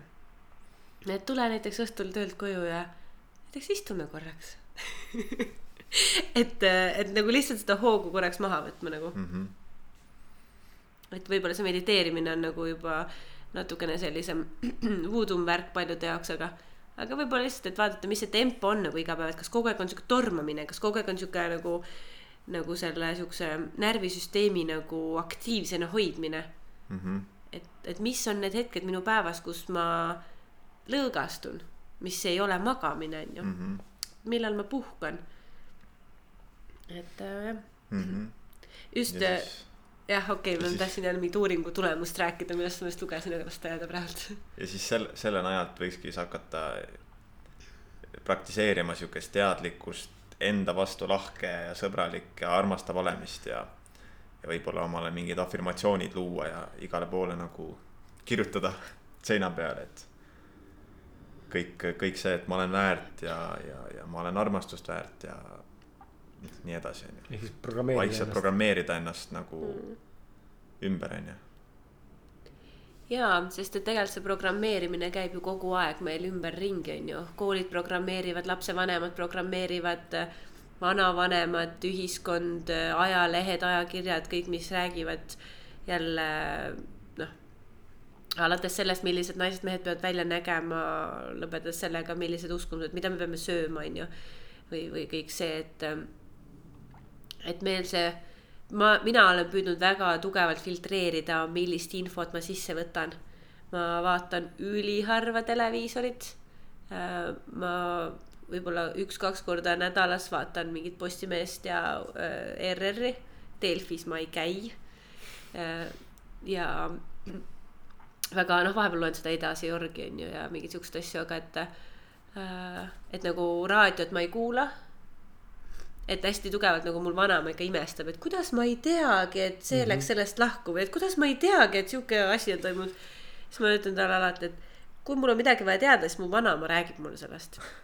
et ja see on ka nagu piisav tase, et, et kuidas nagu minu elu muutub nagu parem, et, et, et jah, et kuidas minu elu muutub paremaks või halvemaks sellest, mis infot ma saan ja teiseks, et mida ma endale nagu, mis energiat ma enda sisse nagu luban või mis kvaliteeti ma nagu enda ellu kogen, et, kui kõik, mida ma enda erinevate meeltega tajun, on osa minu programmeeringust, kuidas mind pidevalt programmeeritakse, et siis mida ma kuulan, mida ma vaatan, mida ma räägin, kellega ma suhtlen, kellega ma kokku puutun, mida ma söön, milline on mu elukvaliteet, sest need kõik mõjutavad minu elukvaliteeti, on ju. -hmm. et kui ma noh, et äh, aga noh, võib-olla natuke minus on sihukest protestivaimu ka sihukese massivoolu vastu. et, et ma tahan nagu ise, mul ongi see, et ma tahan ise luua enda reaalsust, mitte alluda äh, meedia loodud reaalsusele. ja läbi selle enda reaalsuse loomise me saamegi seda, et mis on see reaalsus, mida mina enda jaoks loon iseenda osas, maailma osas, uskumuste osas. kas elu on raske või kõik on alati võimalik, kas pidevalt on mingid jamad või on nagu nii ägedad väljakutsed, mis lubavad areneda. kas, kas äh, mul ei ole kunagi raha või mu elu hetkeolukord õpetab mind nii palju paremini rahasse suhtuma. kas see, ma olen üksinda ja õnnetu või siis see, et ma, et see on ideaalne aeg iseenda sisse vaadata ja mõtiskleda, millised pa, nagu paarisuhte väärtused on minu jaoks üldse olulised. et ähm, Mhm. et kui ma ise loon enda elu, enda reaalsust, siis, siis see lõppvastutus on ainult minul. Mhm.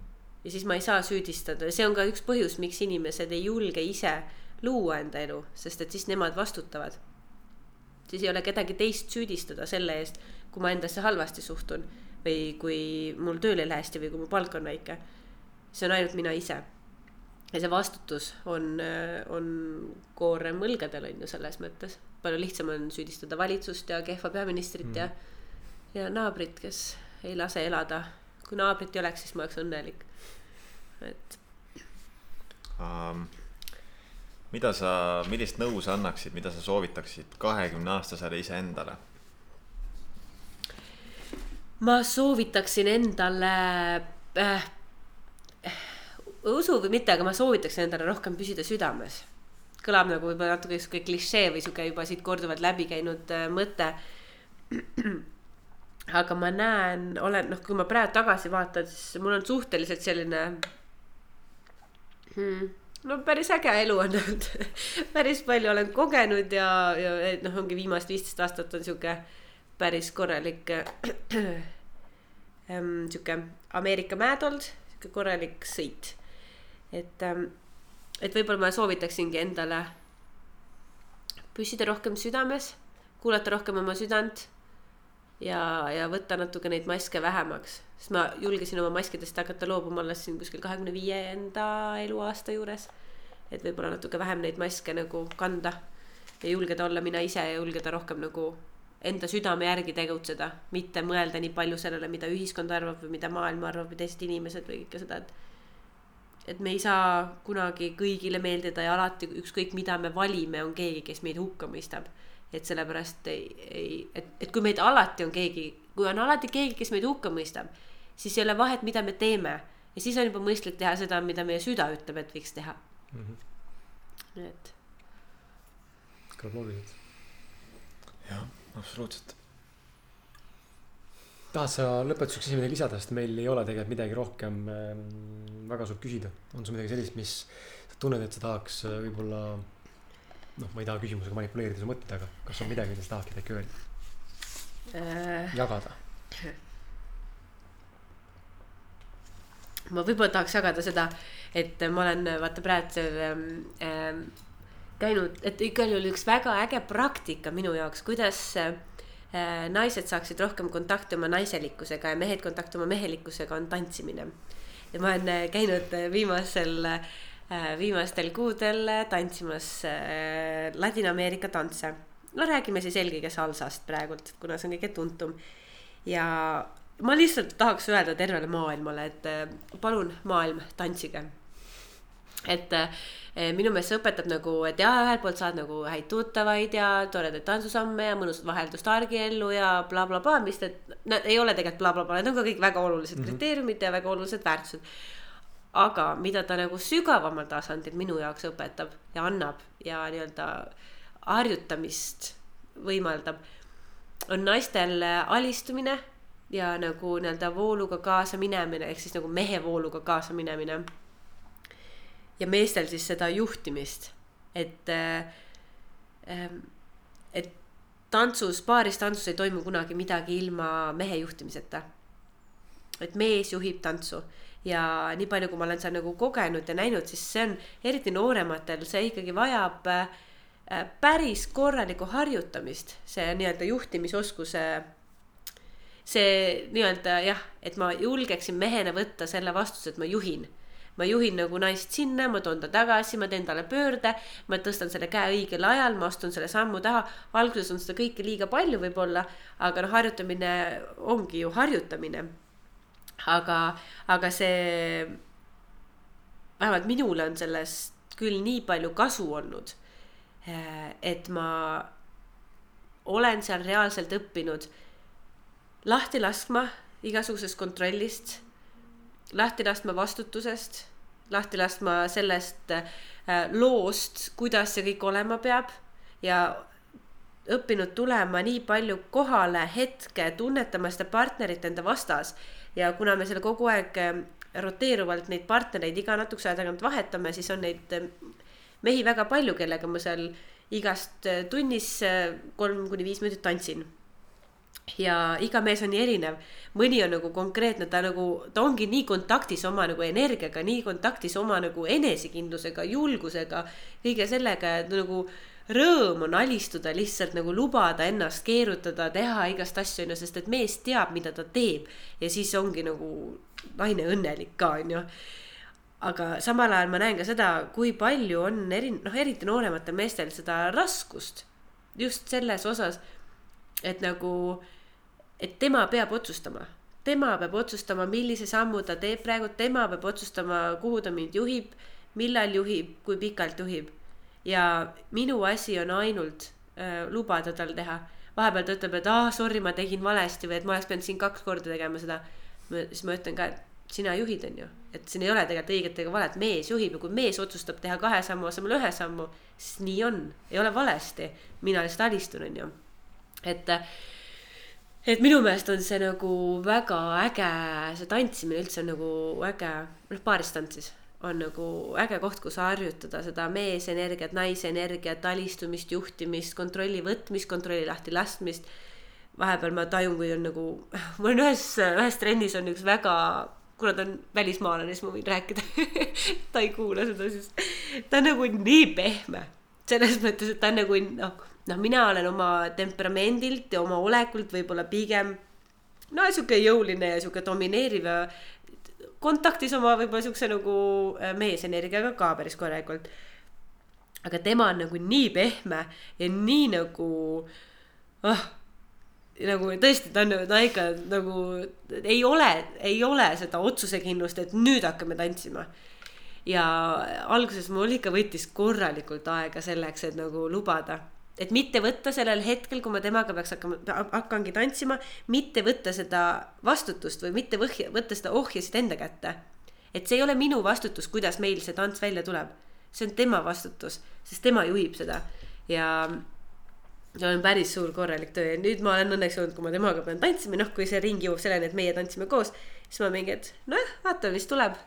et nagu vahepeal ongi niimoodi, et lihtsalt nagu noh, täielik disharmoonia on meie nagu, meile omavahel energeetiliselt. ma ei tea, kas minu energia on sedavõrd suur, et see tšuss, sööb kohe kogu tema enesekindluse ära või mis seal on, igal juhul nagu mitte midagi sealt välja ei tule tavaliselt aga varem see nagu ärritas mind, aga noh, nagu mitte ei ärritanud, aga ma tahtsin hakata ise kontrollima, et davai, lähme nüüd, on ju. aga nüüd ma nagu, et vaatame, et päris nagu huvitav, et ma lihtsalt nagu vaatlen seda, et mm -hmm. ma mhm. ei ole nagu seal sees, vaid ma vaatlen seda. Et igal juhul mu viimane soovitus, daamid ja härrad, kõik tantsimas super ma ise, mul oli tegelikult üks küsimus sul ka sealt tantsimise kohta, et see jäi küsimata, aga sa juba ise põhimõtteliselt vastasid, et ma ise ka kindlasti tahan äh, mingit sihukest paaristantsu õppida. ja tantsukeskus.ee alati.... äge. mis siin ikka, aitäh sulle, Keter, et tulid meile saatesse, väga, väga tore saade oli jälle. Ma tunnen jälle, sain nagu enda jaoks uusi mõtteid ja, ja taipamisi ja enda vastu kinnit-, noh kinnitust, et enda vastu ikka sõbralik olla ja jah, Kris, mis sul on öelda? kus me sind äh, leida võime? kust kuulajad sind leida võivad? no äh, mul on blogi kirjutajaketter.ee. ma aeg-ajalt kirjutan sinna äh,. Aktiivsem olen ma näiteks äh, Instagramis äh,, samamoodi kirjutajaketter. ja nendest kahest, kahest kohast põhiliselt saabki mind jälgida. ja kui kellelgi peaks olema vajadust äh, kasutada sinu teenust siis kus me selle leiame? Äh, ja kui on mingit sisuloometeenust vaja, siis on kirjutaja.ee. väga lihtne, samasse auku. samasse auku, jah. mul ei ole midagi lisada, ma olen ähm, sihuke praegu sihuke, Ketteril oli head mõtted selles mõttes ja ma mingil määral mingeid vanemaid küsimusi või vastuseid praegu töötan läbi, et mul siin protsessor on ka kõvas töös praegu tunnen, et ei suudagi eriti, ei suudagi kaasa rääkida, ma olen mingites, mingites nendest Ketteri vastustest täiesti kinni ja seedin infot. aga ei, väga lahe oli äh,. väga lahe oli, aitäh, et tulid. aitäh, et te kutsusite ja andsite põhjuse võib-olla ka rohkem läbi mõelda oma väärtushinnanguid elus ja mida mina nagu tähtsaks pean ja, ja hea oli neid niimoodi sõnastada. avameelselt ja ausalt. avameelselt ja ausalt kahe mehe keskel sõnastada. väga tore ja, ja sorry, kui, sorry, kui äh, minu väike lapse nutt häiris, loodan, et väga ei häirinud, et nüüd ta magab ja, ja midagi ei ole teha, et sihuke see elu lapsevanemal on, täna kahjuks juhtus niimoodi, et laps tuli kaasa võtta. aga minu poolt on kõik ja, ja kohtume juba järgmisel, järgmises saates, loodetavasti reedel. just, olge mõnusad, olge ausad, jääge enda vastu sõbralikuks. ja muud ei miskit. ja minge tantsima. jah, minge tantsima tšau Ciao.